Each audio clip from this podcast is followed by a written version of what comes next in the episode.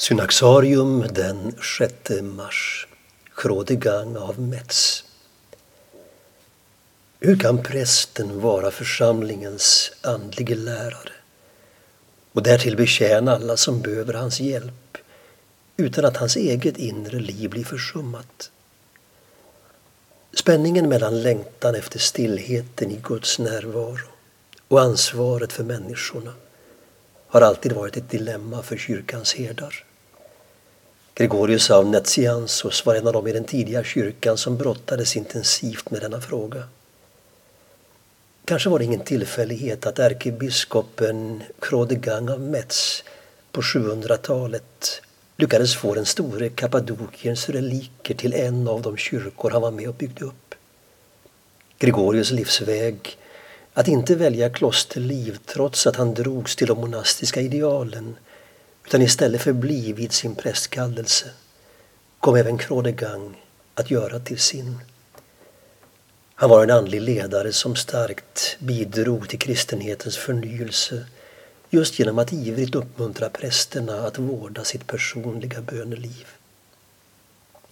En av Chrodegang Ahmeds viktigaste insatser var att formulera en andlig regel för församlingsprästerna.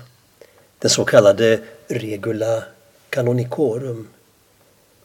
Regeln kom att inspirera framväxten av kommunitetsliv bland präster först i hans egen katedral och senare på andra håll. Den hämtar inspiration från Benedikts berömda klosterregel på 500-talet men utan att kopiera denna.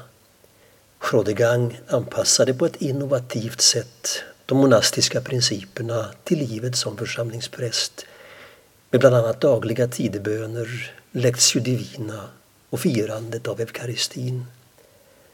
Avsikten var inte att prästerna skulle bli munkar utan att de mer helhjärtat skulle fullgöra sin prästkallelse.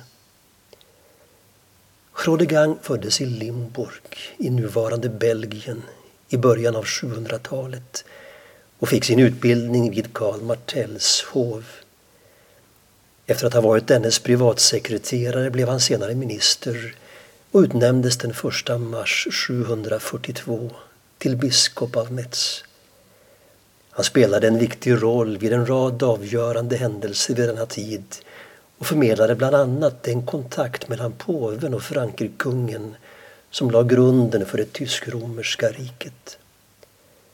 Den regel han skrev innehöll 34 kapitel och kom alltså att ge en viktig impuls till spridningen av kommunitetsliv bland kyrkans präster. Från nordvästra Gallien tog irländska munkar med den till sitt hemland där regeln bland annat togs i bruk av anakoreter som inte var bundna till kloster. En annan av Chrodegang av Metz stora insatser var förnyelsen av gudstjänstlivet genom införandet av den romerska liturgin i norra Europa. Chrodegang dog i klostret i Gorze nära Metz den 6 mars år 766.